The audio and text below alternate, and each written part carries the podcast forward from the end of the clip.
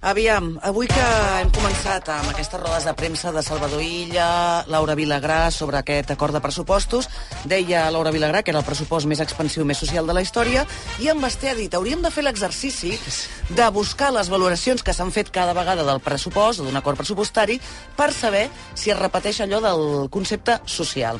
He fet un mini exercici, Basté, no he tingut més temps. 2023, Laura Vilagrà, pressupost més ampli, no diu social. 2022, Pere Aragonès, acord històric serà de xoc. Aquí ja s'intueix el tema social. 2007, Montilla, eh, aposta clara per les polítiques socials. I l'excepció seria Artur Mas, que el 2011 va dir amb aquests pressupostos no salvem el país, però sense ells el condemnem. Per tant, en Basté tindria la raó que allò de lo social ho foten sempre. Molt bé, en fi, que a Lot, Aire també està d'acord. a Lot Bou que ha dit que és un gest important que Esquerra s'empassi el tema del hard rock, Antoni Aire que diu que tothom sabia que s'arribaria a aquest acord i afegeix que Salvador Illa s'està construint ja el perfil presidencial. La Isabel que diu, eh, ara els comuns faran allò d'estirar una mica més del fuil, però s'imposarà la crida de responsabilitat i el Joan ha recordat que els comuns ja es van empassar el tema de la B40.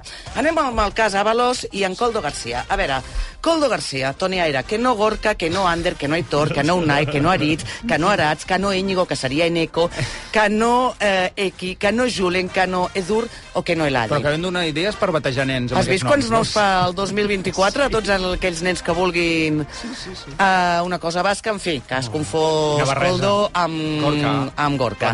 Molt bé, sobre aquest tema, Joan, avui no sé què t'ha passat, que has aterrat el llenguatge, jo que et considero una persona de bé, d'ordre i tal, tot i que avui no portes el faig a l'eco, però, eh, a, a veure, has dit el PSOE es passa pel forro la presumpció d'innocència. Podies haver dit menys té o menys prea la presumpció d'innocència, una cosa més correcta. Després has dit eh, ella ha deixat a parir a l'Ayuso. Home, podries dir ha criticat o, no sé, alguna altra forma. Què t'ha passat? Ai, no sé. Ai, no sé. Molt bé, perfecte. havia- ja està, havia, no cal havia que- caigut, eh, això. No havies caigut, és que no us escolteu a vosaltres mateixos.